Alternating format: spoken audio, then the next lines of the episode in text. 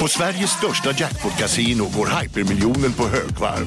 Från Malmö i söder till Kiruna i norr har hypermiljonen genererat över 130 miljoner exklusivt till våra spelare.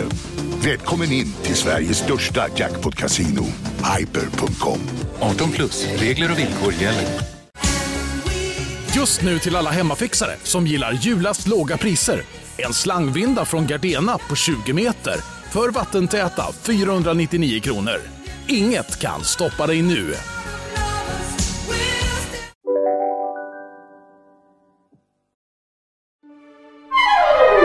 Du lyssnar på en podd från Perfect Day.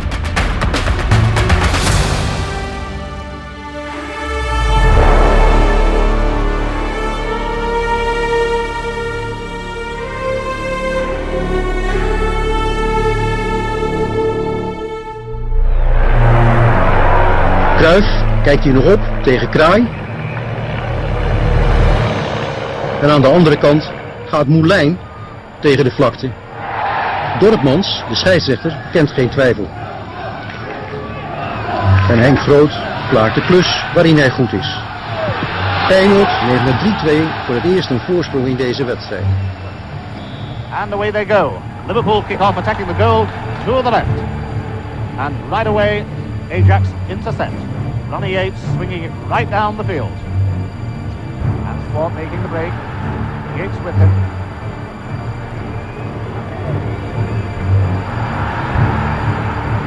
And there's a goal.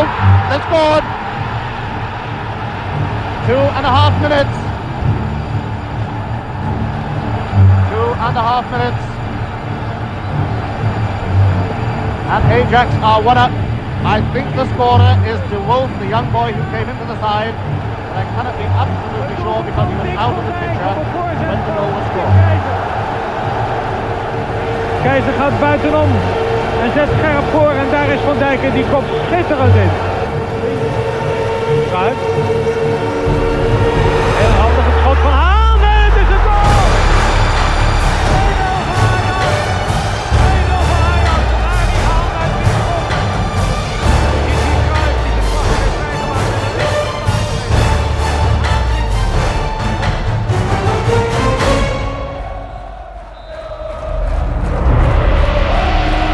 När Pep Guardiola en gång skulle beskriva Johan Cruyff sa han att Cruyff byggde katedralen. Vi andra förvaltar bara den. Hans karriär som spelare var fantastisk. Han vann i princip allt som var värt att vinna. Hans karriär som tränare var nästan lika framgångsrik, men ännu mer betydelsefull för hur fotboll spelas idag. När vi diskuterar vem som är världens bästa spelare genom tiderna nämns Cruyff som en given kandidat bland flera. Men när det gäller vem som är historiens viktigaste fotbollsperson är han en given etta. Ja, och det är ju alltid svårt att närma sig en av de här personerna som faktiskt framstår som större än livet. Hur börjar man? Var börjar man? Men ja, oavsett vad vi pratar om så tenderar ju vår metod att vara att vi börjar väl helt enkelt från början. Och förmodligen är det väl självklart att enbart någon som verkligen är en son av fotbollen kan ta den in i en helt ny tid. Men få andra har haft liv som varit så tätt sammanflätade med fotbollen så tidigt. Och Johan Cruyff, han föddes då precis efter att det andra världskriget hade tagit slut. Han föddes 1947 och han växte upp i en stadsdel som heter Betondorp, alltså betongbyn ute i den då allra ostligaste utkanten av Amsterdam. Ackerstraat nummer 32, Åkergatan 32, tillsammans med sin storebror och sina föräldrar som hade flyttat ut från innerstadskvarteret, mytologiserade stadsdelen Jordan omedelbart efter kriget. Och Betondo ja, det var då ett ganska nybyggt område med billiga bostäder precis där Amsterdam tog slut och åkrarna tog vid istället.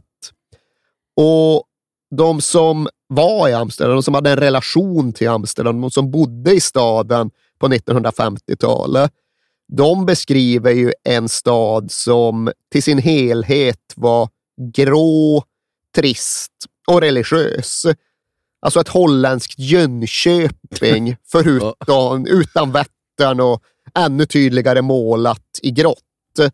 Sen blir det lite orättvist med tanke på att allt egentligen bara handlade om att bygga upp staden igen efter kriget. Ja. Men familjen Cruyff, det var ju då en köpmannafamilj. De drev en liten frukt och grönsaksbutik i huset där de bodde.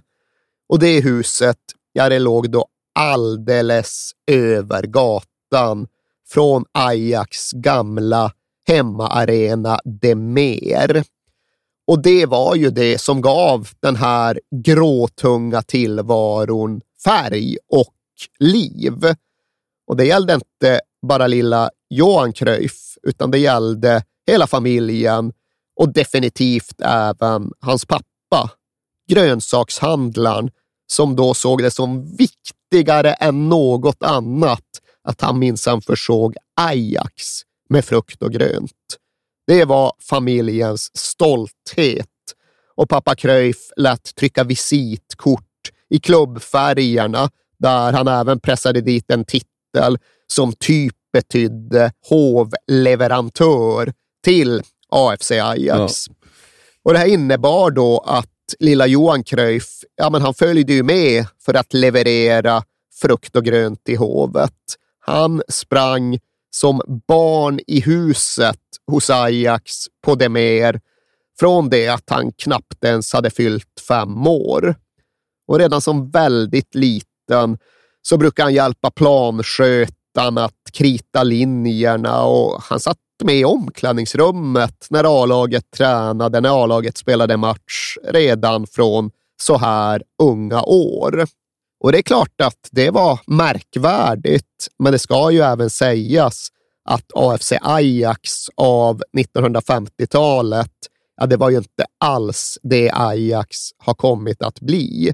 Det var väl en amatörförening? Ja, var alltså alla var Ja. amatörföreningar. Ja. Fotboll var inte professionaliserat Men Holland var väl lite sena med detta? Ja, alltså, de hade ju ungefär samma situation som Sverige. De gjorde upp med sina amatörregler ungefär då vi gjorde det. Men de hade ju samma grej det här med att de som faktiskt flyttade utomlands för att bli proffs, ja, de var ju förbjudna att representera landslaget Mm. eftersom fotboll var för amatörer även i Nederländerna. Så på en europeisk fotbollskarta så var Nederländerna en lilleputt. Okej, de hade varit i två VM-slutspel, men det var ju på 1930-talet, före kriget. Och i båda de turneringarna så hade de förlorat första matchen och fått lov att åka hem direkt. Och sedan dess hade de, om något, blivit sämre. De hade ju på allvar någon sorts rivalitet med Luxemburg. Och, ja. alltså deras stora rivaler var ju Belgien, Ja. men det låter bättre än det var, för Belgien var ju också obetydliga. Luxemburg var ungefär det de är idag och Nederländerna var inte så där jäkla mycket högre upp i hierarkin. Och det samma gällde ju definitivt för klubblagen. Ja, men de åkte ut i Europacupspel och liksom förlorade mot norska lag. De kunde ha det svårt mot finska klubbar. Och Ajax var ju visserligen en klubb som vann mästerskap, men de var alltjämt på ett väldigt tydligt sätt en kvartersklubb från just östra Amsterdam. Idag tittar vi på fotbollskartan och ser på Amsterdam som en av de där städerna där det bara finns en klubb. Men det är ju ett tillstånd som kommit med åren. Så var det sannerligen inte när Johan Cruyff växte upp, för då var Amsterdam en delad fotbollsstad. Det fanns blauvitt Amsterdam och något som hette De Wollewijkers från norra delen av stan.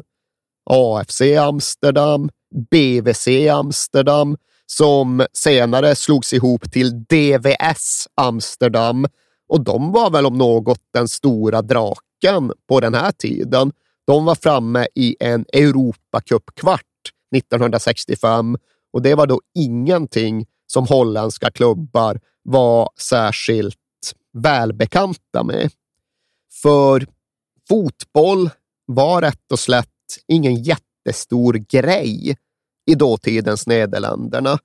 Men fotboll kom att bli en oerhört stor grej för lilla Johan Cruyff. Grabben som sprang runt där på det mer som barn i huset, som sopade läktarna och som för den delen även hade släkt i A-laget. Det fanns en morbror som gjorde några matcher som vänsterytter på precis den här tiden. Och det fanns en annan kille i laget som brukade följa med familjen Cruyff på deras sommarsemestrar och som brukade stanna i huset och sova över just eftersom att det låg så nära arenan. Så en sjuårig, en åttaårig Johan Cruyff kände ju alla i Ajax och alla kände honom. Han var jobbig för dem, alltså ja, den lilla Johan. Mm. Deras variant av att kalla en Ronaldo för Ronaldinho. Ja, just det. Och han var ju även en sån där grabb som kände A-lagstränarna som på den här tiden tenderade att vara britter. Vi hade exempelvis Keith Spurgeon i Ajax. Och varför tycker jag att det är befogat att svenska lyssnare känner till honom? Jo, för att han senare hamnade i Sverige, tränade bland annat AIK innan han sen drabbades av MS och även avled här i Sverige. Jaha. Men Keith Spurgeon var i Ajax, Vic Buckingham var i Ajax och honom tycker jag att våra lyssnare ska ha koll på eftersom att han var en Tottenham legend. Mm. Men oaktat denna legendarstatus, ännu en av de här Ajax-männen, en av klubbens beslutsfattare, som det var helt självklart för en ung Johan Cruyff att bara glida in och tjabba lite med. Och Ajax hade på den här tiden bara ungdomsverksamhet, bara pojklag ner till tioårsåldern. Men när väl Johan Cruyff fyllde tio, ja då var det ju så självklart att han skulle skrivas in i klubben, att han skulle börja spela för pojklaget, att han inte ens själv behövde aktivera det. Han skrev inte in sig själv, utan klubben gjorde det automatiskt. Det var givet att den här killen skulle spela i Rödvitt. Och han var ju en stor talang. Ja, alltså till sin själva karaktär så hade han ju en tydligt rastlös energi. Och det är någonting bland annat han själv skulle återvända till i vuxen ålder och konstatera att ja, idag hade det väl blivit en ADHD-diagnos av det hela. Men den där energin, ja, den innebar att han kunde springa i evighet. I alla fall när han var ung, för den förmågan skulle han senare själv förstöra med sin ihärdiga rökning.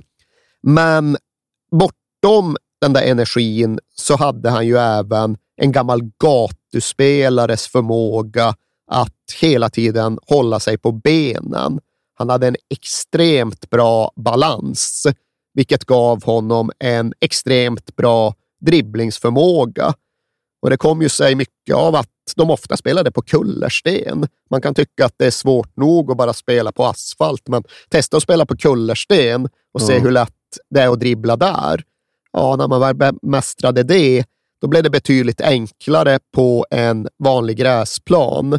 Och från gatufotbollen så fick även Johan Cruyff med sig den där förmågan att han egentligen aldrig behövde titta på bollen när han väl kom ut på en gräsplan. Liksom, där betedde den ju sig som den skulle. Mm. Där höll den inte på att hoppa runt.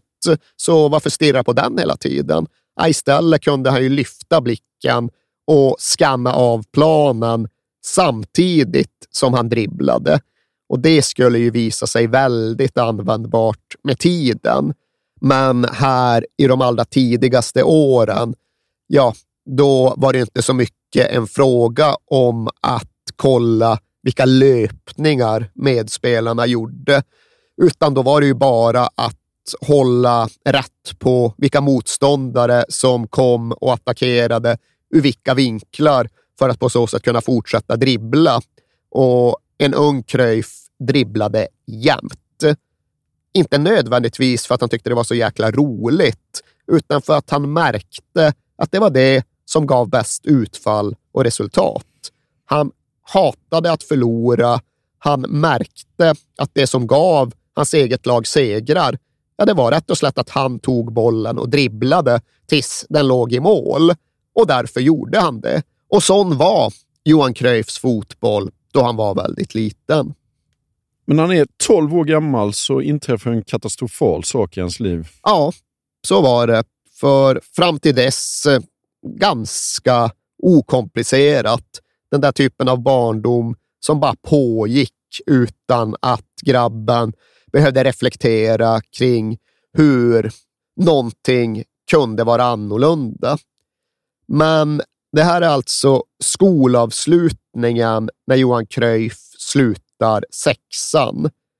Familjen har redan packat sina väskor för att åka till semester i Luxemburg dagen därpå. Men den tolvårige Johan Cruyff hinner aldrig gå fram till scenen i aulan för att bocka och buga och kvittera ut sina omdömen. Och presenterna som man förberett till lärarna, ja, de blev kvar där bakom aulascenen. För till skolan nådde då beskedet om att det hade hänt något allvarligt där hemma. Det visade sig att hans pappa Manus hade drabbats av en hjärtattack och han vaknade aldrig upp igen. Han dog 45 år gammal och det här var då en familjetragedi som skulle komma att prägla hela Johan Cruyffs uppväxt, ja, för att inte säga hela hans liv. För ja, pappan, det var då hans hjälte. Och han hade fått många karaktärsdrag av sin far, men han hade dessutom då fått den här kärleken till och den här närheten till Ajax.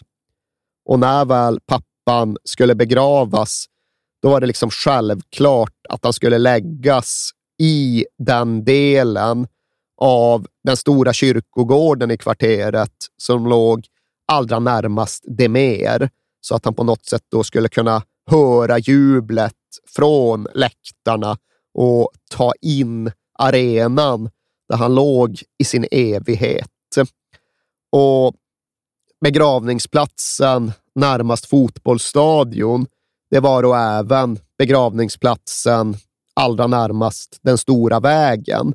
Vägen där Johan Cruyff färdades ja, men så gott som varje dag genom hela sin uppväxt.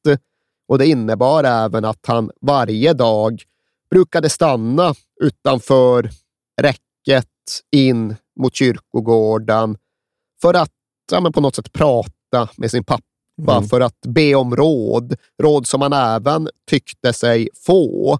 Och han kom att leva ett liv helt övertygad om att den avlidna pappan på ett eller annat sätt alltid fanns med honom. Så läste du det med klockan? Då? Ja, jag vet att det finns en anekdot som han själv återvänder till och som ofta återberättas. Det, vill du dra Ja, den? men det, det var väl mer att han ville ha tecken på att pappan verkligen hörde honom. Och- Är det så att jag inbillar mig det här eller är det på riktigt? Ja, precis. Och Då stannade hans klocka dagen efter. Eh, och Då gick han till eh, klockaffären och sa att det är inget fel på din klocka. Så gick den igen och dagen efter så stannade den igen. Och Då fick han då tecknet att ja, men pappa hör mig. Ja, det var väl ytterligare ett led där, där han till sist även ska ha pratat med sin andlige fader och sagt att okej, nu har du fått klockan att stanna, men nu räcker det. Nu vill jag liksom Ja, ha tillbaka ja, min klocka. ja. Så nu får den allt lov att börja gå igen. Ja. Och därefter skulle den ha gått just som en klocka under all tid därpå.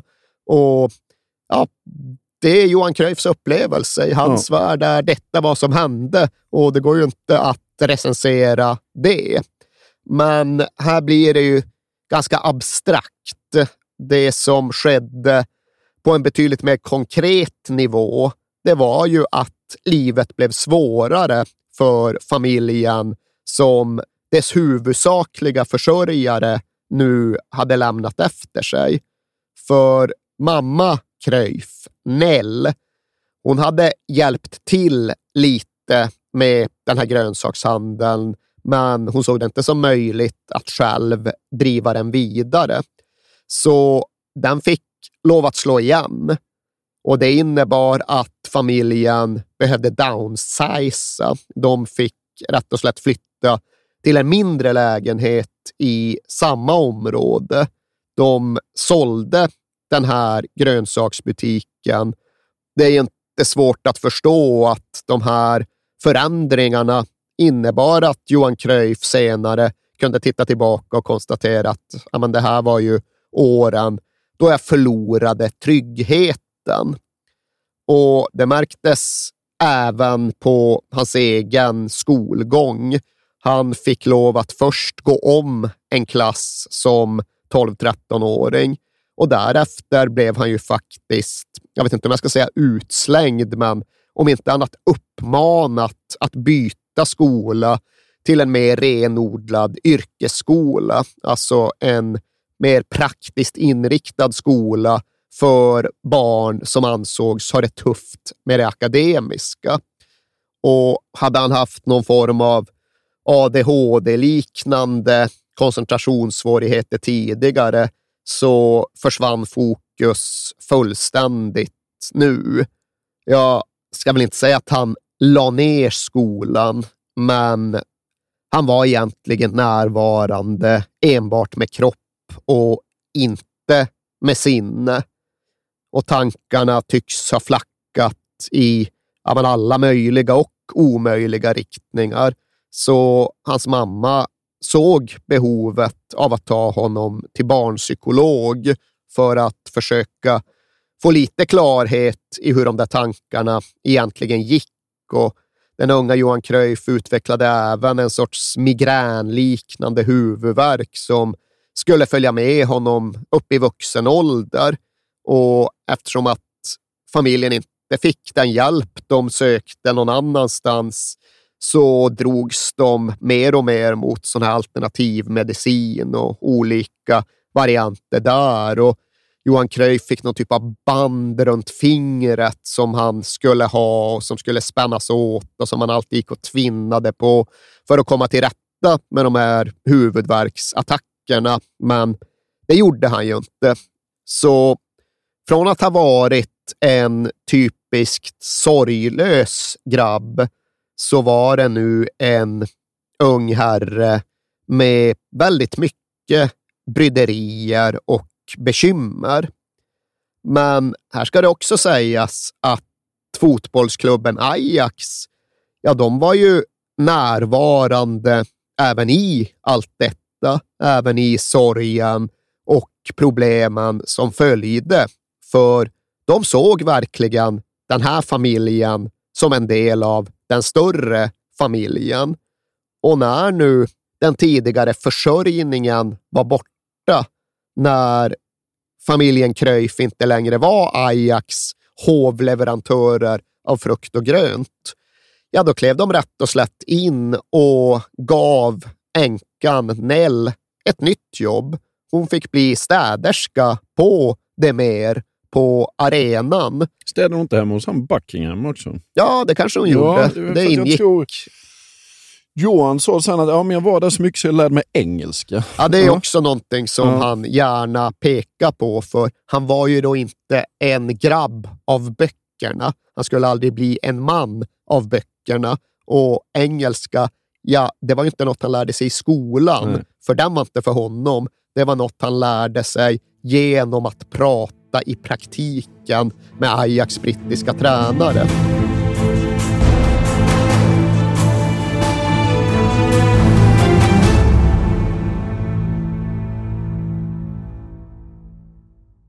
Jag vill inleda med att säga att det är garanterad jackpot på 13 miljoner på Stryktipset. Och fy fasen. Ja, visst.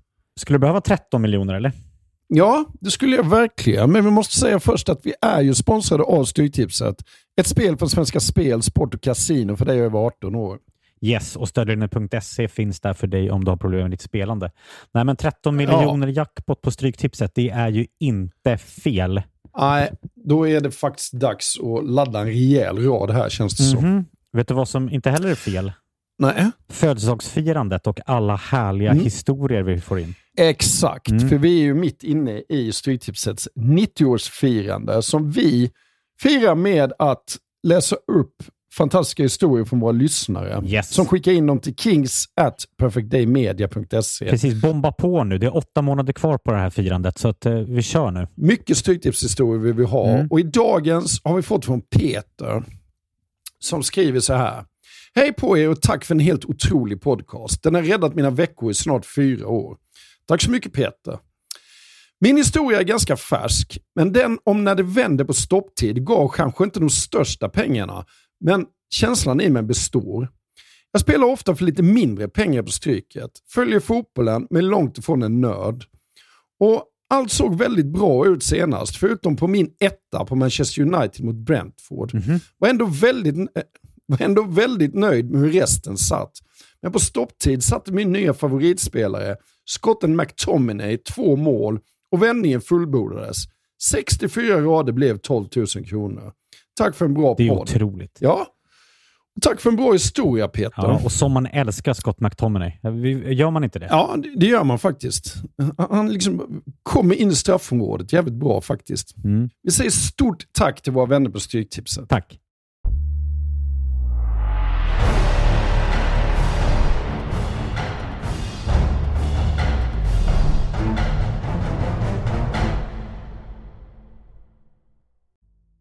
Alltså Cruyff var ju inte lätt att hantera, men han har ju träffat helt rätt person kan man säga.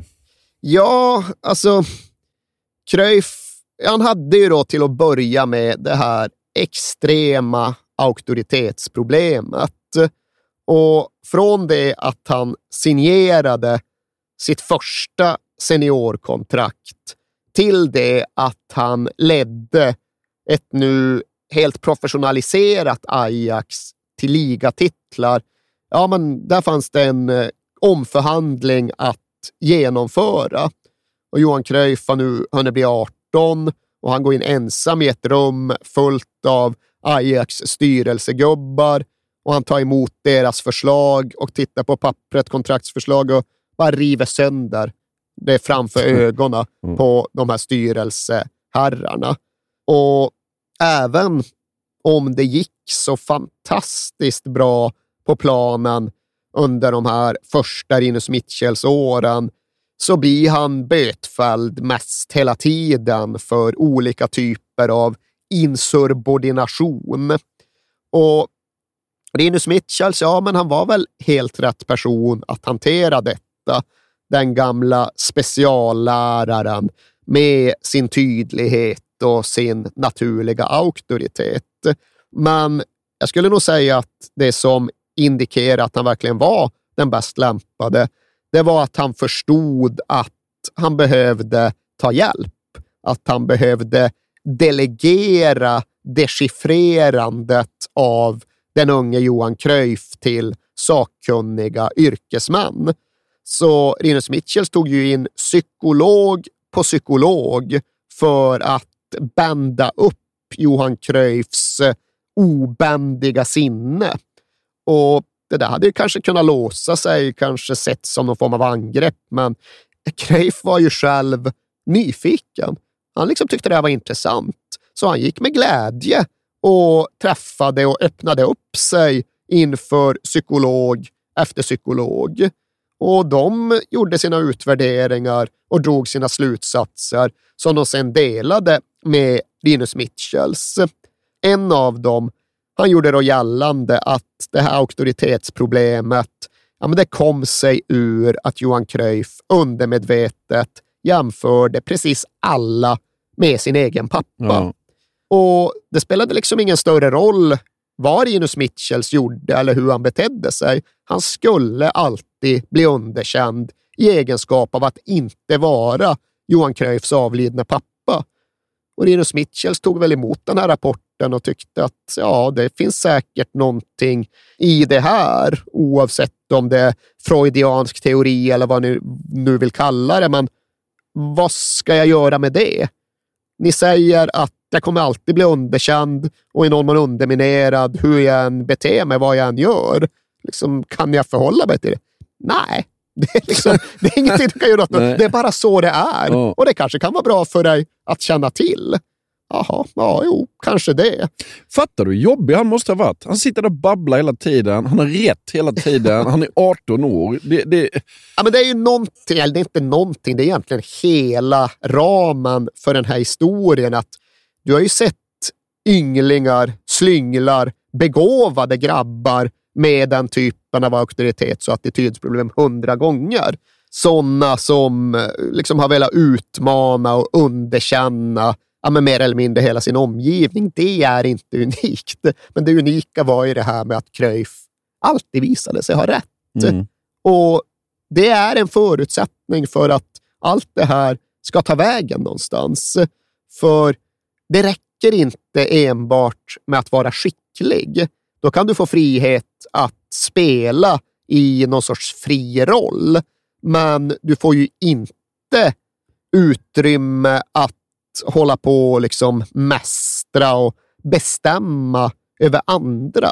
Det räcker inte med att vara en bra anfallare för att komma undan med att bestämma hur mittbacken ska spela. Mm. Det är liksom, det går inte. Men ifall du har åsikter om hur mittbacken ska spela och det visar sig att de faktiskt är välgrundade, liksom väl underbyggda, ja då blir det ju intressant på riktigt över tid. Det är ju sant, men samtidigt blir det väldigt irriterande att någon har rätt hela Ja, ja. tiden. Och det Eller kommer ju också ja, det kommer Ja. ju visa sig vara löpande och genomgående. Jag tror också att det blir en helt annan sak i en mer subjektiv verksamhet med mål som inte är lika klara och tydliga. Ja. Här är det ju ändå en kontext där alla i grunden vill vinna matcher och mästerskap. Och då får man någonstans tugga i sig att svälja en del stolthet om den där jobbiga jäveln kan dra med en själv närmare de målen. Men det där var också något en av de andra psykologerna trummade på gentemot Rinus Mitchells. Han kom med en utvärdering som just gjorde gällande att amen, den här Cruyff, han har en tydlig tendens att övervärdera sig själv och att tappa proportionerna. Och han har svårt att erkänna misstag och han är både impuls och instinktstyrd, men har samtidigt ett kontrollbehov. Så herr Mitchells, jag fattar att du har ett helvete här och du kanske liksom bör ja, men bara försöka dra tillbaka honom innanför ramen. För jag förstår om det här är ganska outhärdligt för dig som ledare. Och här är väl också ett exempel på Rinus Mitchells verkliga storhet, att han tar in allt detta. Han liksom nickar eh, inkännande och medhållande, men gör ja, men en helt avgörande distinktion. Att du har säkert rätt, herr psykolog, i att Johan har den här tendensen att övervärdera sig själv. Och det är nog genomgående i allt han gör och allt han har åsikter om utanför omklädningsrummet. Men i omklädningsrummet så tycker jag faktiskt inte att han övervärderar sig själv. Då tycker jag inte att han tappar proportionerna och har en falsk verklighetsuppfattning, utan återigen, där tycker jag att det brukar visa sig vara så att han har rätt. Att han är den mest klarsynta av oss allihopa. Och det kan jag inte bortse ifrån. Nej. Det måste vara en del av hela paketet när vi utvärderar, bedömer och behandlar den här killen. Han är speciell.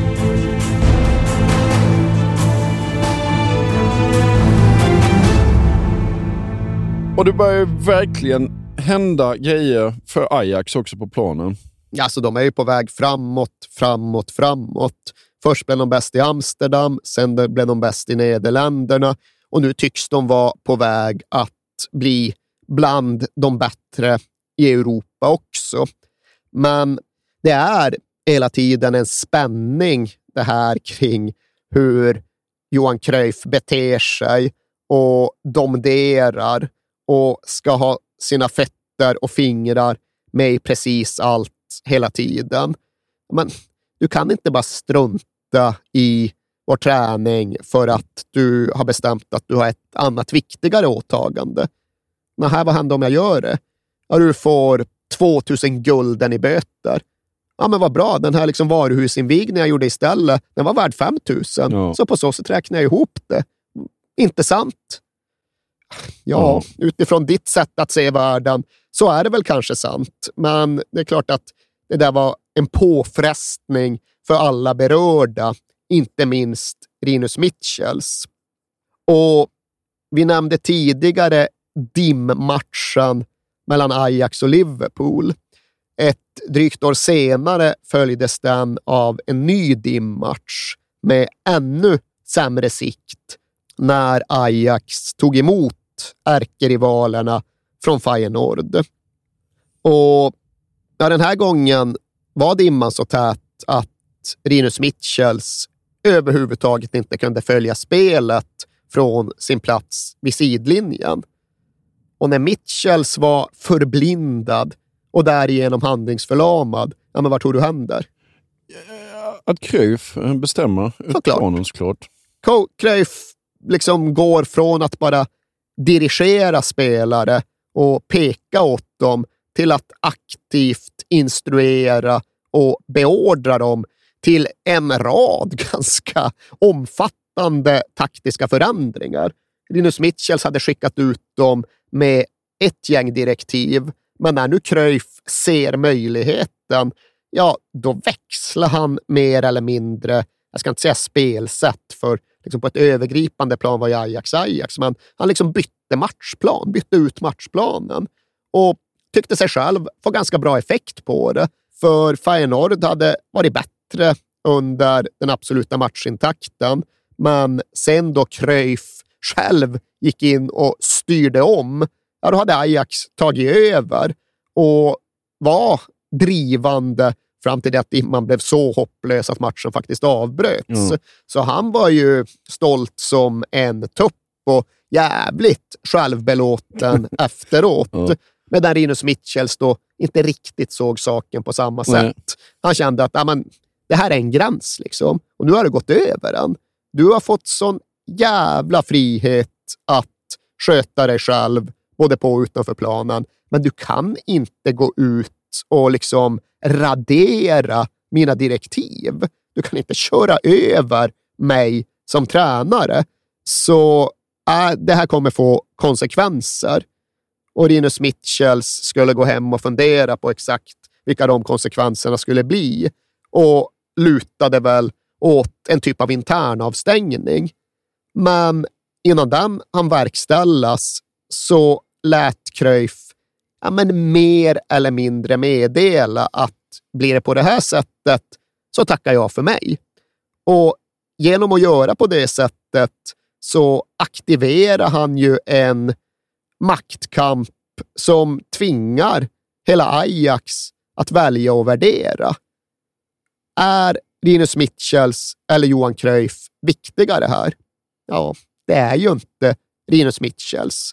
Så det blev ingen avstängning och det uttalades aldrig tydligt på det sättet. Det svingades ju inte en klubba i något mötesbord och slog fast det i ett protokoll att i Ajax bestämmer Johan Cruyff. Men på ett inofficiellt plan så rubbades ju maktbalansen och dynamiken mellan de här två männen förändrades. Och kanske bidrog det även till ja, men något litet hack i utvecklingskurvan. För när 1960-talet så smått började närma sig slutet, alltså gick det inte lika spikrakt uppåt för Ajax längre. De vinner visserligen ligan för tredje gången i rad 1968, men det är faktiskt inte Johan Cruyff som blir skyttekung, utan det är... Oj. eh, Neskens. Ja, det är en tanke. Ja. Men eh, jag ställde frågan eftersom att det var Ove Kindvall Jaha, som ju hade kommit till Feyenoord Ja. och faktiskt började utmana lite om titeln som ligans bästa, största spelare. Det blev väl aldrig en utmaning som tog honom hela vägen fram, men fan Ove Kindvall var stor Ja, var i europeisk fotboll vid den här tiden. Och europeisk fotboll var något annat än nederländsk fotboll. Och det fick Ajax smaka på. För okej, de hade besegrat Liverpool med 5-1 hemma, men den säsongen hade de sen åkt ut mot Dukla Prag. Och året därefter så hade de rykt direkt mot Real Madrid. Vet du för att nu Cruyff reagerade på pressreaktionerna efter att Ajax förlorat mot Real Madrid. Nej. Han gav ingen intervju. Han satte sig istället och skrev en lång insändare till Voetbal International där han gick igenom steg för steg hur tidningens referat och rapport hade varit missvisande och felaktigt. Ja. Men nu är vi framme vid våren 1969 och vi är en känsla av att det är dags att faktiskt uträtta någonting i Europa. Att nå riktigt långt i Mästarcupen. Men det ser fan inget bra ut, för Benfica, bjässen Benfica, kommer till Amsterdam och viftar bort Ajax. Vinner med 3-1.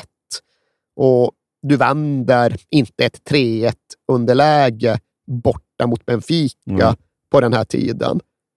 Förutom om du då är Ajax och faktiskt gör precis just det. Cruyff inspirerar laget med en otrolig prestation till precis den där 3-1-segern borta. Och 1960-talet, vi kan diskutera för eller mot bortamål idag.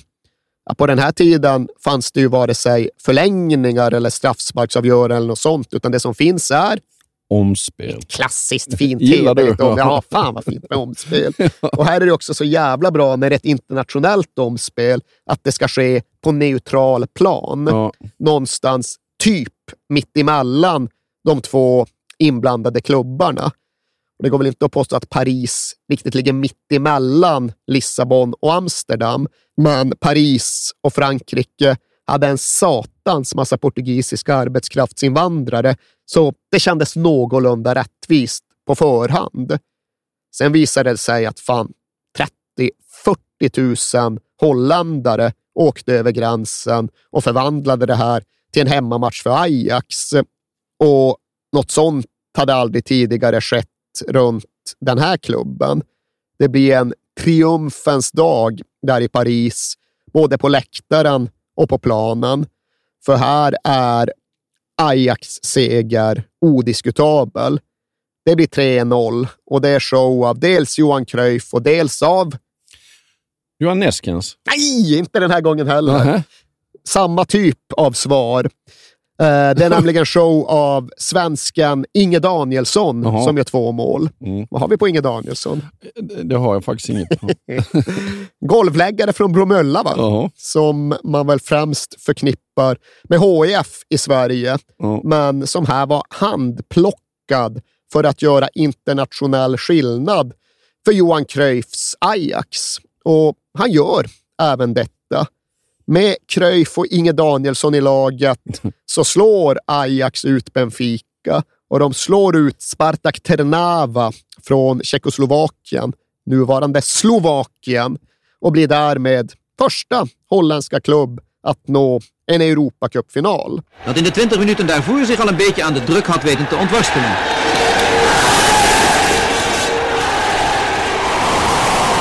Dit doelpunt van Cruijff zet het Stade de Colombe op zijn kop. De Benfica-verdediging stortte volledig ineen.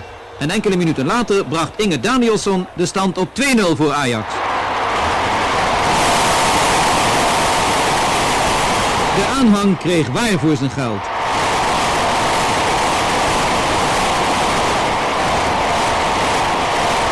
Dat het alweer door Danielsson nog 3-0 werd, was alleen nog maar een formaliteit.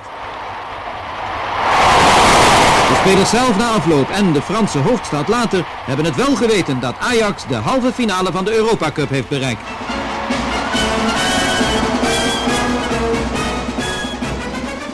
Och i den ställs de mot mäktiga Milan på Santiago Bernabéu-stadion. Det är alltså Riveras och Trappatonis Milan. Eller som vi säger, Kurre Hamrins Milan Ja. på den här tiden. Detta medförde ju att det faktiskt var två svenskar som möttes i den här Europacupfinalen. Kurre Hamrin och Inge Danielsson. Ja. Nu hade du lite jobbet med snabbfrågorna, så jag ska ge dig ett lätt quiz här för att väga upp. Vilka andra tillfällen har vi haft två svenskar mot varandra i en Europacupfinal? Fredrik Ljungberg och Henke Larsson. Det är korrekt. Alltså. Jaha. Nej, jag ska inte plåga dig. Det finns faktiskt inte fler. nej. Det är enda gången det har skett. Det hade ju kunnat bli 2001. Bjärred Andersson i FC Bayern mot Jocke Björklund i Valencia. Ja. Men då fick ju inte Björklund spela. Så Hoppas du noterar att jag hade rätt på frågan. ja, nej, men Mm. det gladde Ja. mig. Vill du ha en uppföljning eller? Nej, jag kan nöja mig med Okej, jag hade en till förberedd. Men, ja, man måste kunna ta sina marker och liksom vara nöjd med de segrar man har Ja, vunnit. chippa in här. Ja. Ja, Mm. det, det godtar jag. Mm. Men ja, väl framme vid match visar sig den här finalen bli en jäkla besvikelse för AFC Ajax. För de är överhuvudtaget inte nära. De förlorar med 4-1 mot Milan och vare sig Inge Danielsson eller Johan Cruyff eller någon annan kan påstås ha gjort sig själv rättvisa. Ajax var svagt, både kollektivt och individuellt. Och det där hängde ju ihop. Eller borde i alla fall göra det. För vissa kunde hävda att Johan Cruyff sannerligen inte var sämre än någon annan i den här finalen. Men den måttstocken fungerade inte för honom och för Ajax. Det handlade inte om individuell utvärdering på det sättet. Och när Johan Cruyff anklagades för att ha spelat mer för sig själv än för laget i den här finalen så var det både hård och relevant kritik, i synnerhet när den delades av Rinus Mitchells. För han kunde ju efter den här typen av match gå till Cruyff och liksom bara säga varför gjorde inte du laget bättre? Ja. Det är det som är din uppgift och det vet du om. Det här har vi varit överens om sedan första dagen när du var 18 år gammal och vi gemensamt satte en riktning för både laget och din roll i det. Du kommer aldrig kunna komma undan med att bara svara för dig själv och din egen prestation. Ditt ansvar är att få hela laget att fungera. Och så det där som Mitchells ofta använder sig av. Ifall en medspelare gjort ett misstag så har du också gjort det. För det är ditt ansvar att förhindra dina medspelares misstag. Och det kan ju låta helt Ja, uppåt men- väggarna, men Cruyff köpte in sig på det. Ja, jag vet. Nej, men det, jag vet. Det, hade jag kunnat tänka mig att han gör. Ja. Ja, nej, han det- gillar ju uppriktighet. Och, Ja, Nej, men liksom, det var så han själv också såg på saken. Jag ska se till att mina lagkamrater gör det de ska. Och för att lyckas med det så har jag tillåtelse att bete mig. Ja. Att peka, att skrika, att vrida om, att instruera. Okej, kanske inte att helt underkänna liggande Inte ändra spelplan. all taktik. Men i grund och botten så tog han ändå in det och liksom tyckte det var giltigt. Ja, Milan var klart mycket bättre och möter vi ett lag som är klart mycket bättre så är det i grunden mitt fel. För det ska jag omöjliggöra. Och ifall mina medspelare har gjort dumheter och enskilda misstag så är det också mitt fel, för Ja. det ska jag förhindra. Han är alltså vid den här tiden 22 år gammal och har det på sina axlar. Ja. Ja, och tar det gladeligen Ja. och accepterar som sagt även när han inte har kunnat bära upp det. Men det här är ju då en situation och en ansvarsfördelning som gäller i Ajax. Det är där Cruyff ställer upp på den. Men när det sen kommer till det holländska landslaget, då köper han ju inte det. För där är det ingen, vare sig i liksom förbundsledningen eller lagledningen, som har pratat med honom på samma sätt, som har liksom gjort honom delaktig på samma sätt. Och Cruyff har ju sin syn på rättigheter och skyldigheter. Och när det kommer till landslaget, ja, då tycker han sig inte bära något större ansvar än någon annan egentligen. Där är det mycket mer en fråga om att sköta sitt. Och det blir väldigt påtagligt hösten 1969 då Nederländerna till sist ska spela en avgörande VM-kvalmatch mot Bulgarien. Och det här är såklart en stor sak. Holland har spelat två VM-matcher i sin nationella fotbollshistoria och båda de ägde rum på 1930-talet. Nu finns en möjlighet att nå ett VM på nytt och att faktiskt åstadkomma någonting där med den här framväxande spelargenerationen där Johan Cruyff går längst fram i täten. Men då följde sig så här att Johan Cruyff med svärfamilj hade öppnat skobutik i Amsterdam under den här tiden. Och Det var mycket för att liksom aktivera hans nya hustru Danny som behövde ha något meningsfullt att göra. Men även Johan Cruyff tyckte att det var kul och stimulerande och intressant och kommersiellt gynnsamt. Så han var involverad. Och nu behövde men lagret fyllas på, eller vad det nu var frågan. Det behövde väl köpas in en ny kollektion. Så det var planerat en inköpsresa där Johan och Danny drog till Italien. Och det var inte så att den resan var bokad liksom helt likgiltig inför övriga förpliktelser, utan den var bokad så att han skulle vara hemma i god tid inför den här VM-kvalsamlingen. Mm. Men så kom kallelsen och så visade det sig att dåvarande förbundskapten, han såg det här som en så jävla viktig match så laget skulle samlas en vecka, mer än en vecka, innan den faktiskt spelades. Och det hade inte Cruyff tagit höjd för. Han trodde väl att det var fyra, fem dygn eller någonting. Mm. Så här föll planeringen. Och han insåg att det är en liten rävsax, men han tyckte att här ska rim och reson utifrån ett kröjfiskt huvud få råda. Så han ringde förbundskaptenen och jag ska inte säga att han frågade, han meddelade väl mest att han skulle komma lite sent till den här oerhört tidiga samlingen. Och förbundskaptenen sa, nej men det kan du inte göra.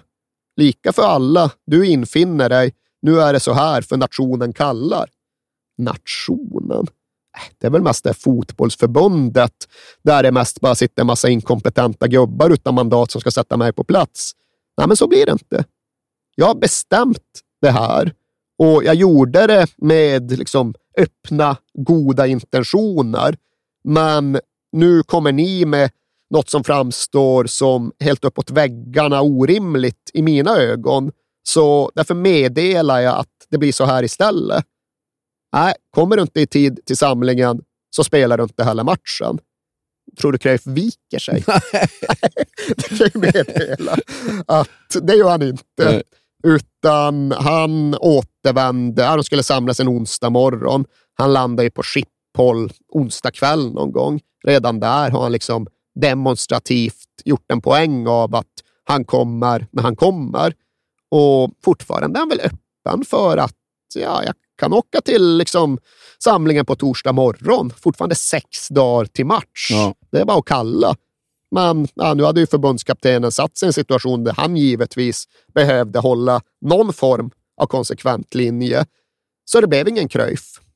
Och det blev inte heller något VM. Mm. Det blev bara 1-1 i den här måste-matchen mot Bulgarien. Och oavsett... Jävla liv det måste vara. Det blev det. Ja. det blev det. Oavsett hur man nu ser på saken och värderar så blev det just ett jävla liv. Ja.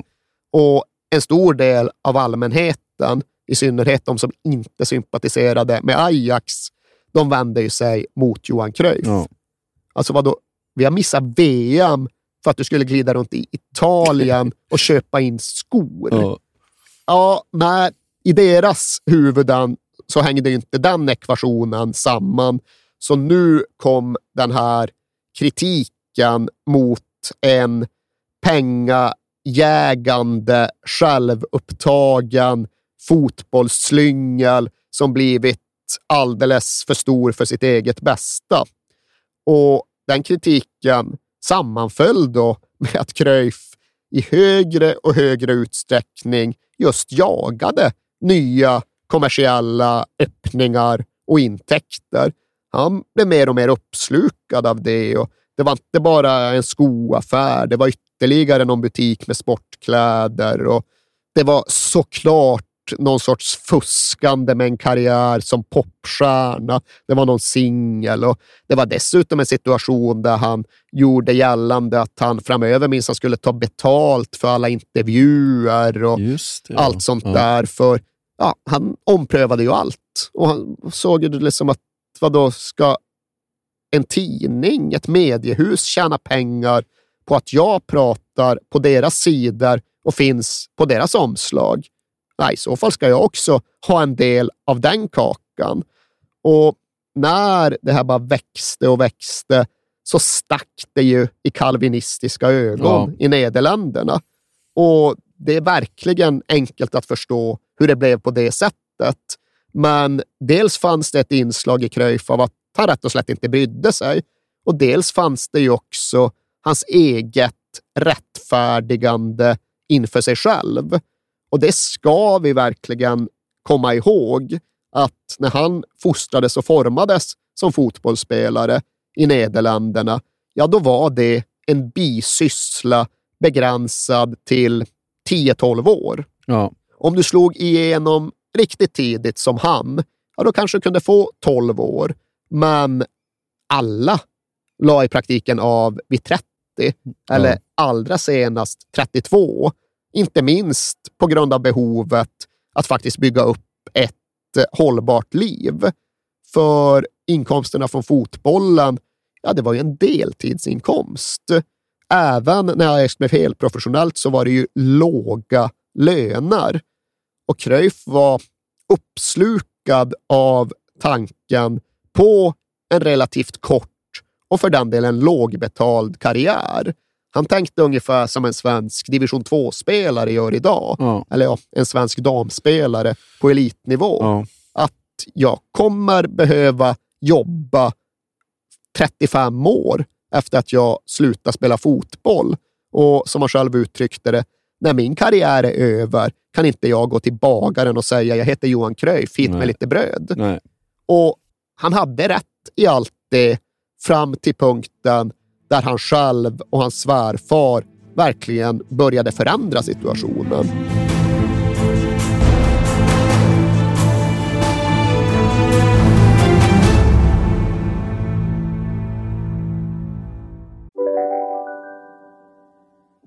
Om en yogamatta är på väg till dig, som gör att du för första gången hittar ditt inre lugn, ett lugn du inte trodde fanns, som gör att du blir en trevligare partner, en bättre bilförare, en bättre kock. Du blir befordrad på jobbet men tackar nej, för att du inte längre drivs av prestation utan vill göra saker som känns meningsfulla i livet. Och, ja, eller ja, då finns det flera smarta sätt att beställa hem din yogamatta på. Som till våra paketboxar placerade på en plats nära dig och tillgängliga dygnet runt. Hälsningar Postnord. Välkommen till Momang, ett nytt smidigare kasino från Svenska Spel, Sport och Casino där du enkelt kan spela hur lite du vill. Idag har vi Gonzo från spelet Gonzos Quest här som ska berätta hur smidigt det är. Sí, es muy excelente y muy rápido. Tack Gonzo. Momang, för dig över 18 år. Stödlinjen.se. Nej. Dåliga vibrationer är att gå utan byxor till jobbet. Bra vibrationer är när du inser att mobilen är i bröstfickan. Alla abonnemang för 20 kronor i månaden i fyra månader. Vimla! Mobiloperatören med bra vibrationer. Ska vi gå in på säsongen 70-71? För här börjar du smälla va? Ja, det är mycket som händer. Det är mycket som liksom faller på plats under säsongen 1970-1971. För lagbygget får väl sägas vara färdigt i och med den här säsongen. Och det hade pågått och det hade skiftat och det ska sägas att Rinus Mitchells hade varit ganska skoningslös i sin jakt på perfektion. För ja, men efter varje sån här besvikelse i Europacupen så växlade han ut det han såg som lagets svagaste länkar. Och han föryngrade definitivt efter den här finalförlusten mot Milan. Han verkligen handplockade spelare som skulle fullborda pusslet. Och numerärt så har de nu genomfört den här växlingen från 4-2-4 till 4-3-3. Men vad är det fotbollstränare säger? Bara en lek med siffror. Eh, det var... Alltså det, det, skulle aldrig Ajax, det skulle aldrig Cruyff eller Mitchells uttrycka det som. Nej. För dem var 4-3-3 essentiellt på gränsen till heligt. Men det var ändå inte huvudsaken, utan det som verkligen bär frukt, det som slår igenom och får effekt den här säsongen 1970-71, det är ju det här med alla positionsskiften som nu har utvecklats till en tanke om att alla Ajax-spelare på planen egentligen ska kunna genomföra alla sysslor där ute, fylla alla roller på planen. Och det är ju detta som ska komma att få namnet totalfotboll. Jag vill bara säga att jag tycker det är rätt starkt jobbat av oss. Att vi har suttit och pratat i över tre timmar och det är första gången vi säger totalfotboll. Jag tror inte det är riktigt tre timmar ännu. Men... Ja, vi har i alla fall suttit, suttit här i över tre timmar. Ja, men det tycker jag är helt på sin plats ja, ja. eftersom att termen totalfotboll är fortfarande inte uppfunnen och etablerad. Nej, vi har inte nämnt det. Ja, men vi håller oss till kronologin. Ja. När totalfotbollen väl tydliggörs, då pratar vi om totalfotbollen. Men att prata om totalfotboll, det är väl som att dansa till arkitektur. Det är väldigt svårt att göra det rättvisa med ord. Det är ganska svårt att nå någon typ av begriplig tydlighet med ord. Men grundpremissen, det är det jag nu återkommer till. Det här med att spelarna ska kunna växla position hela tiden och att alla ska kunna svara upp mot behoven som varje enskild position innebär. Alla ska göra allt. Total fotboll. Och till detta ofta hör ju på ett naturligt sätt att alla alltid ska vara i rörelse.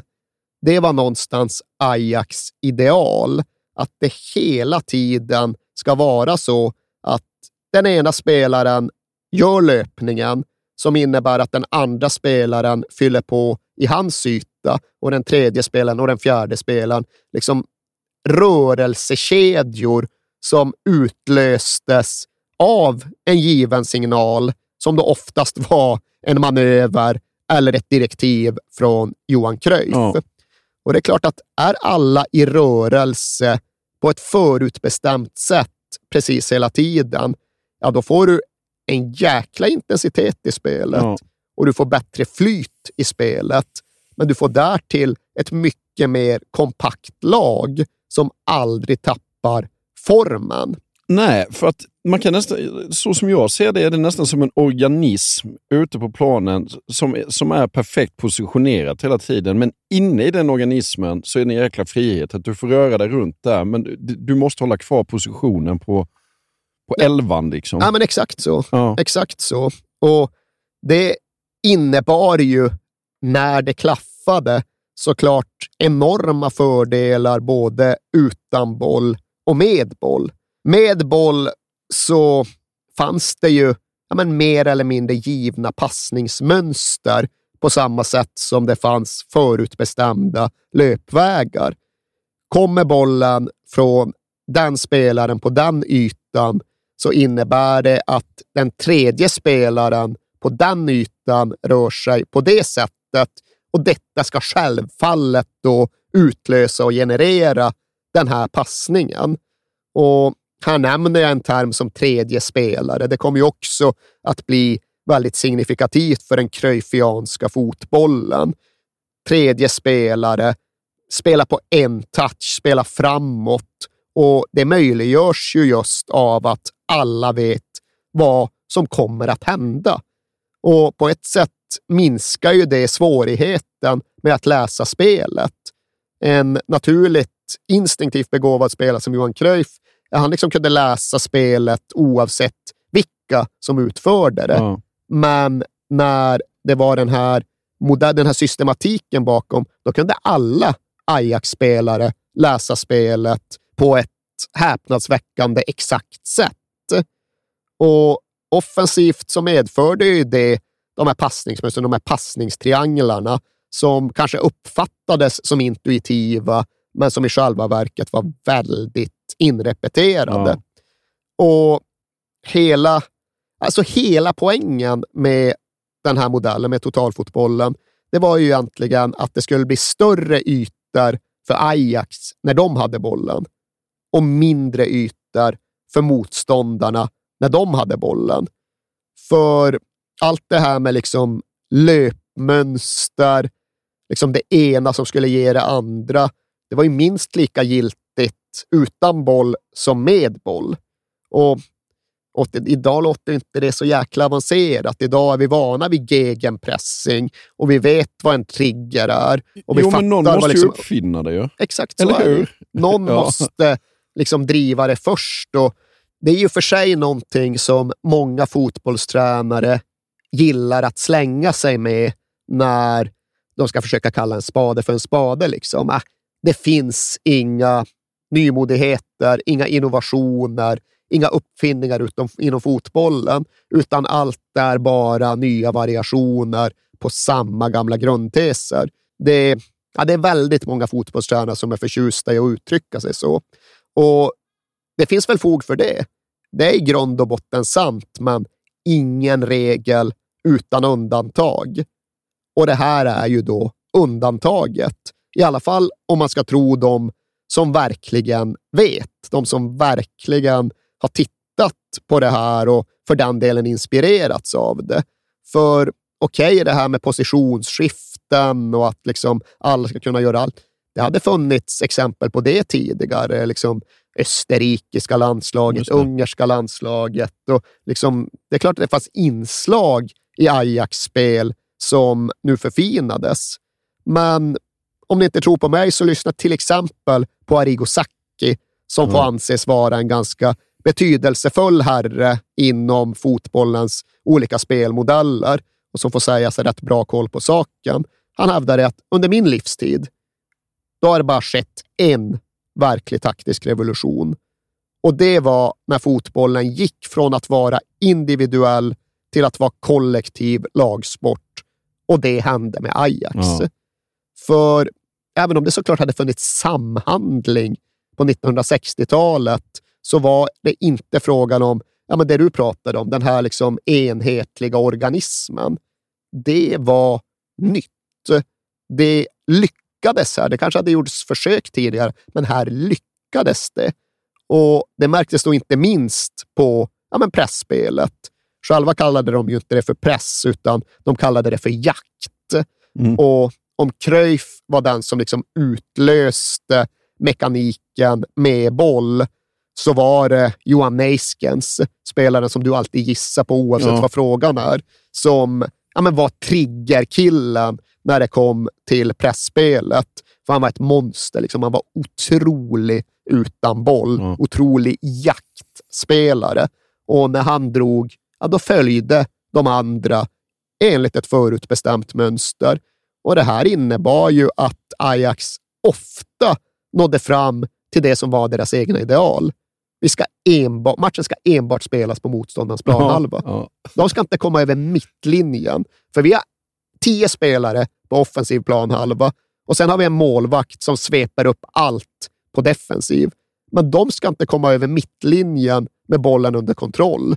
Det ser vi till med vår jaktsystematik. Och ja, nu har vi lyssnat på Jürgen Klopp så länge att vi vet vilka fördelarna är. Det är inte nog med att de inte kan gå till anfall och göra mål. Det är dessutom en ganska betydande uppsida att vi vinner bollen nära deras mål och dessutom kanske inte behövt löpa 150 meter för att göra det. Nej. Kanske bara behövt löpa 15 meter för att göra det.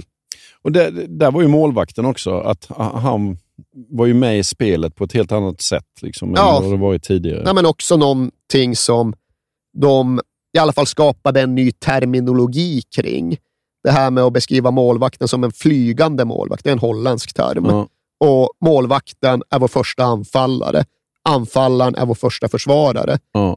Ajax började prata på det sättet. Ja. Idag gör väl alla det, men det var Ajax som började. Det var Ajax som omsatte det i en praktik som faktiskt fungerade. Inte fungerade lite grann, utan fungerade på ett sätt som innebar att de ju blåste allt motstånd av Det var banan. en revolution ju. Ja, och hit hade de då kommit säsongen 1970-71. De sveper bort Celtic och Atletico Madrid och når en ny Europacupfinal och den här gången skulle det ju bli annorlunda. Det var visserligen så att de hade liksom mentala demoner att brottas med. De hade den här lite säregna kombinationen av storhetsvansinne och mindervärdeskomplex som mycket bottnade i den där finalfloppen mot Milan. Och ja, men Det var högst närvarande när de väl satt på spelarbussen och skulle åka mot matchen på Wembley. Då bad Johan Cruyff själv om att få sitta bredvid klubbens dåvarande psykiatriker på bussen. Han kände att han behövde en session. Ja. Och ja, men så blev det. Den Psykiatrikern gav honom dubbla ansiktsmasker för att det skulle bli helt mörkt och svart. Och sen satt han och viskade i hans öra om att finalen 1969, den är slut. Den är över. Nu är nu. Nu är nu. Ja, något sånt där. Cruyff somnade och vaknade sen och var nollställd. Men trots att han var dunderrationell och uppfylld av tanken på logik och ordning och numerologi, så ja, det var inte direkt så att han saknade skrock och klarade sig utan ritualer in mot match. Jag har, liksom, jag har ju koll på hans ritual när det väl var dags att Nej. lira. Ja, den, den är omfattande, den är mångbottnad och ja, den inleddes då med att han kom till matchsamlingen med smutsiga bollskor. Och De fotbollsskorna kunde enbart rengöras av försvarsspelaren Ton Pronk. Mhm. Det var ett jävla problem när Ton Pronk sen fasades ut av Rinus Mitchells och den sysslan fick lov att gå, gå i arv. Men när bollskorna väl var rengjorda, då bytte han om till matchställ med precis en kvart till avspark. Och när det sen var exakt på sekunden tre minuter kvar tills det var dags att gå ut, då skulle han få en snabb behandling av klubbens massör. Och han skulle vara den näst sista spelaren som han får en minut på bänken. skulle alltid vara en efter honom. Men när den delen var färdig, ja, då skulle massören alltid hålla upp två fingrar samtidigt som Cruyff reste sig från bänken. För det skulle då vara minimiantalet mål som Johan Cruyff skulle göra i matchen. Och därefter stannade Cruyff kvar allra sist i omklädningsrummet. Och det hävdade han i och för sig inte var vidskeplighet. Det var för att han behövde kontrollera att alla faktiskt var med ute på planen. Tänk om någon var på toaletten. Ja. Det behövde Cruyff ha koll på. Ja. Ja, sen skulle han komma ut på mattan studsandes bollen framför sig. Och han skulle då ha ett färskt tuggummi i munnen. Och när de sen radade upp sig på mittplan, då skulle han passa på att klappa den berörda målvakten på magen på ett särskilt sätt. Sen skulle de två återvända till egen bur och det skulle Cruyff skjuta en boll i magen som keepern då tog i skopan. Sen tillbaks fram till mittlinjen och samtidigt som domaren blåste i visslan, då skulle Cruyff spotta ur det där färska tuggummit och då skulle han kicka in det på motståndarens planhalva på volley. Och sen, sen var det dags att spela. Finns det här dokumenterat på något vis? Jag vet faktiskt inte, jag har inte kollat det. Men det borde det väl göra. Jävligt invecklat måste jag Det säga. är ju för sig så att, ja, dels är det ju ganska lite som finns Ja, dokumenterat från den här tiden. Och dels är det väl inte så många som hade tillträde till massagebänk i omklädningsrum och så. Men just det där med att han sparkar, in, sparkar tuggummit på motståndarnas planhalva, det är något som är väldigt välkänt, Ja. så det borde ju finnas Det fanns någonstans. som typ en kamera på hela arenan också. Ja. Zooma inte in på det direkt. ja, nu var det final. Det var Panathinaikos på Wembley. Ja, och Panathinaikos 1971 var ju något annat och starkare än Panathinaikos av idag. Men väl, Bara greker i laget. ja, som, som sig bör. Ja. Men efter att Cruyff väl hade kickat tuggummit in på deras planhalva så var det ju dags att lira. Och själva känner Ajax att de inte var jättebra i den här matchen. Det var en tuff mental press som de hämmades lite av. Men med det sagt så är de ju ändå fullständigt överlägsna Ja. för alla som tittar på utifrån. Och de liksom väntar ju inte på sig heller, utan de gör 1-0 efter bara typ fem minuter.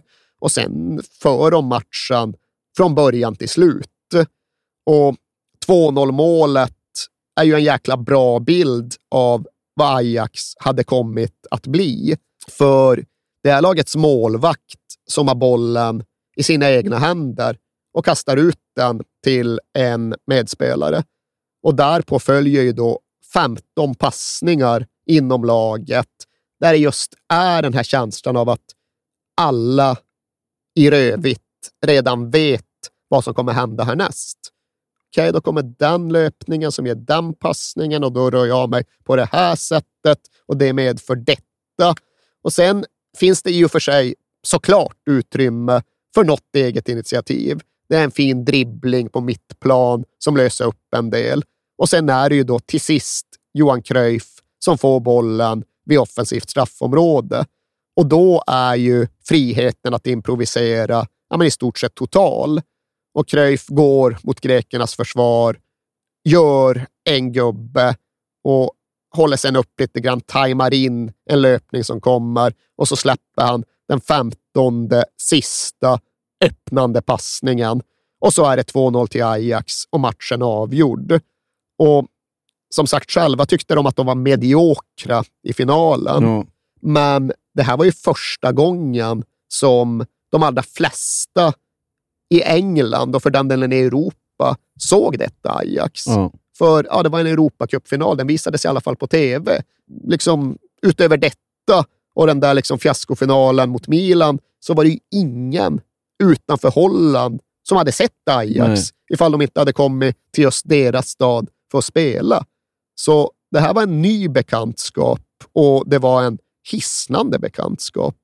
15 pass inom det egna laget och inte tillstymmelse till tvekan. Det bara liksom går i ett efter ett mönster, ett system. Vad är detta? Ja, fotboll från framtiden, fotbollen från en annan civilisation. Det var ju så de allra flesta betraktare och observatörer formulerade sig efter den här första finalsegern. Keizer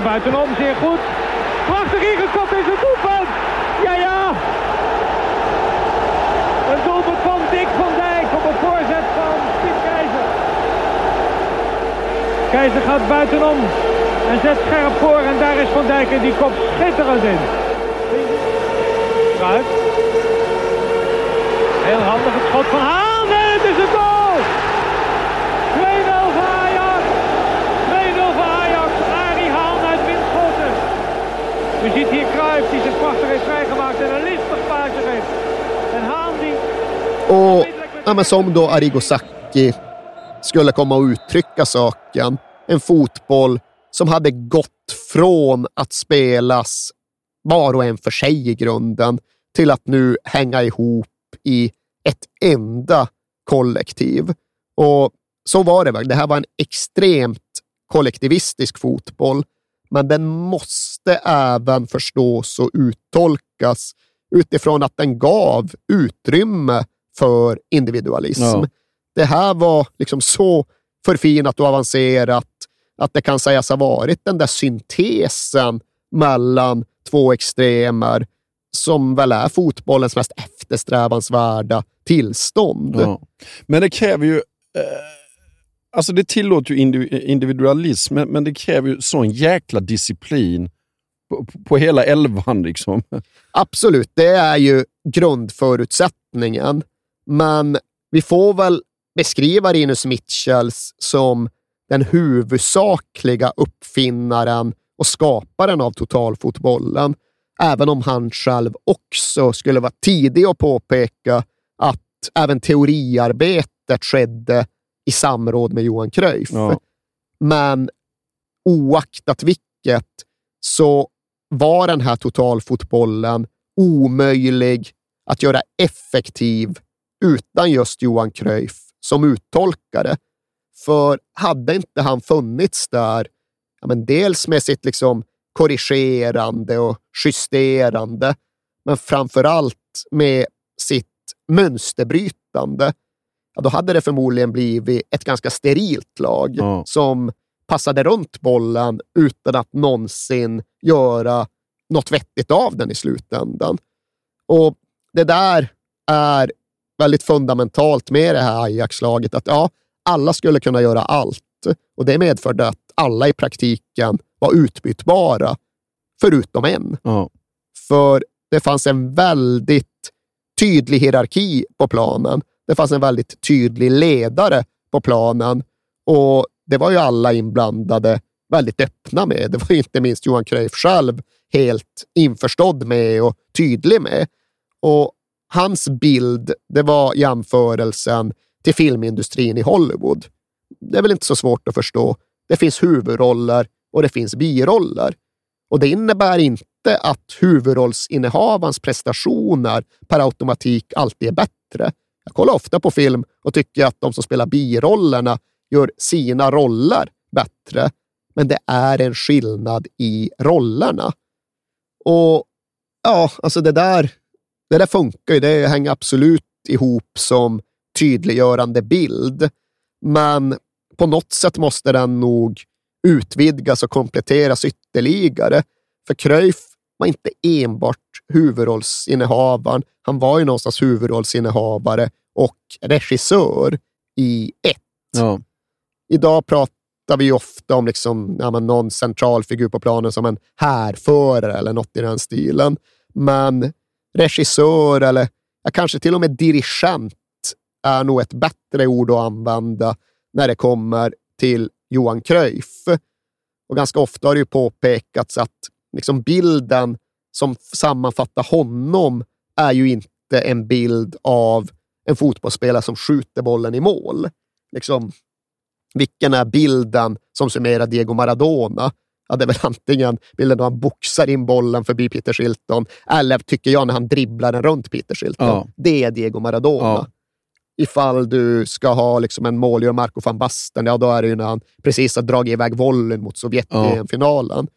Johan Cruyff sa ju den bilden en bild då han står och pekar. Det är sammanfattningen av vad Johan Cruyff verkligen gjorde ute på planen. Och många av hans medspelare, kanske framförallt hans motspelare, har berättat om det att Jävla speciellt att vara på samma plan som Johan Cruyff. För till att börja med så pratade han, alltså instruerade, samtidigt som han dribblade. Ja. Alltså han drog iväg och dribblade samtidigt. Vänster, vänster och liksom droppa bakom mig. Och så den alltså, running commentary är det ju inte. Det är inte så att han liksom berättar vad han gör, utan han berättar parallellt med sitt eget dribblande vad alla andra ska göra härnäst. Fin- Finns det någon i modern fotboll som, som är i närheten av att... Nej, det Mm. kan jag inte liksom påstå. Jag, jag tänker lite som Steven Gerrard när han var... Ja, men han var inte all, alltså, Steven Gerrard var ju, och jag älskar Steven Gerrard, men han var ju taktiskt ganska, jag ska inte säga platt, Ja. men liksom hans vidare förståelse för hur hans lagkamrater borde bete sig den såg Nej. jag inte riktigt. Nej. Den han spelade ju ganska ofta i sin egen liksom, superhjältebubbla. Sen kunde han ju driva på ett helt lag genom bara sin kraft och sin energi, men nej, det tycker jag inte alls Nej. funkar som jämförelse. Och nej, jag, jag kan inte komma på någonting som är riktigt relevant. Alltså det närmaste vi har kommit, det är väl bakvänt nog faktiskt Leo Messi. Och det är ju inte för att de i grunden är särskilt lika som spelare, men det är ju för att Leo Messi också kom att verka inom en cruyffiansk, guardiolansk fotboll där det faktiskt gavs utrymme för honom att ja, i senare skedet av hans Barcelona-karriär mest promenera omkring, Just, ja. observera, peka, explodera. Ja. Och liksom den delen av Messis spel har ju ofta varit lite, jag ska inte säga underskattat, men kanske underobserverat. Man har inte riktigt tittat på hur han har observerat och just försökt manövrera matchen runt omkring sig. Men det är ju ändå inte i närheten. Det är det inte. Och, ja, men det är väl någonting som är relevant att peka på. Därför är liksom bra att du tog upp Steven Gerrard. För jag tror Gerrard, hans bidrag till en fotbollsmatch när bollen inte var runt honom, ganska begränsat. I alla fall när Liverpool hade bollen. Men Cruyff, han hade den där förmågan att vara jävligt involverad i spelet, även när bollen var långt borta från honom. Och det är ju dels sällsynt och dels är det kanske ganska svårt att uppfatta. I alla fall ifall man inte inte står och pekar precis hela tiden. Men i Holland så refererar de till liksom det osynliga spelet. Och det är inte nödvändigtvis detsamma som spel utan boll, utan det är spelet långt borta från bollen. Och det hävdar ju de som ja, men numera, på andra sidan Cruyff, en nation av fotbollsteoretiker, att det är ju en av de där sakerna som mer primitiva fotbollsländer helt enkelt inte fattar. De begriper ju inte hur mycket av en match som avgörs i det osynliga spelet. Alltså det som pågår där tv-kamerorna inte är. Och det var ju också någonting som Johan Cruyff öppnade ögonen inför och som han själv var helt överlägsen i. Och det där med att liksom jämföra fotboll som det gröna fältets schack, det är ju överanvänt så inåt helvete. Men det finns någonting i schackparallellen när det just kommer till att försöka beskriva Cruyffs storhet. För det där med att liksom instruera samtidigt som man dribblade, att styra och ställa när själva 80 meter ifrån bollen, ja, det kommer utifrån en förmåga att inte bara spela sin egen match, som då kanske Steven Gerrard i hög utsträckning gjorde, utan att spela 20 parallella matcher samtidigt i ditt eget huvud. Alltså stormästaren i schack som, ja, du vet sådär de ska uppvisningsspela, går Ja. från bord till bord till bord till bord till bord ja. till bord till bord. Han spelar ja, åtminstone alla sina medspelares matcher i huvudet samtidigt som han spelar sin egen. Han lägger även till rätt många av motspelarna och allt detta ja, men pågår då samtidigt som i någon jävla obegripligt effektiv jätteprocessor. Och ja, du ju själv nämnt det där med att han var numerologiskt intresserad.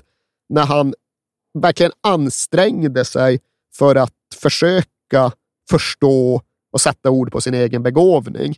Det var inte så jäkla ofta han brydde sig om att verkligen göra det. Men när han ansträngde sig, då återvände han ofta till det där och, och det han själv benämnde som aritmetik. Och jag vet fan knappt vad aritmetik Nej. är. Jag var ju tvungen att. Den mest ursprungliga formen av matematik. Mm.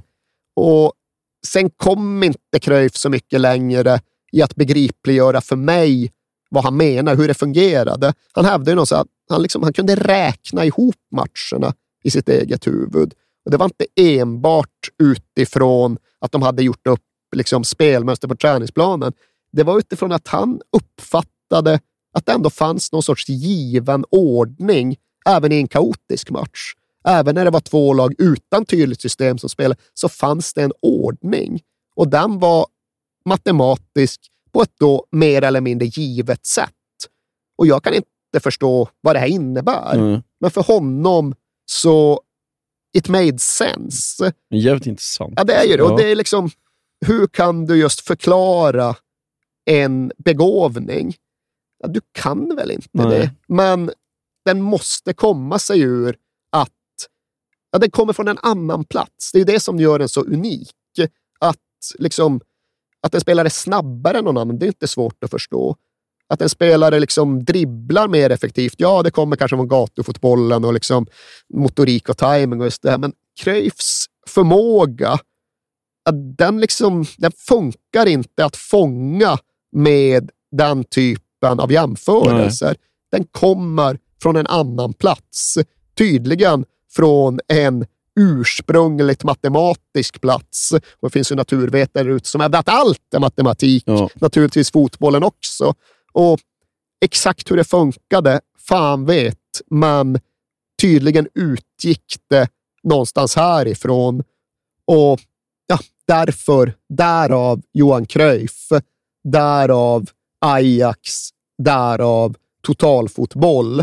Och inget av det hade gått att uppfinna och förverkliga utan det andra. Systemet, kollektivismen, Arrigo Sacchi, absolut, men även Johan Cruyff. Ja.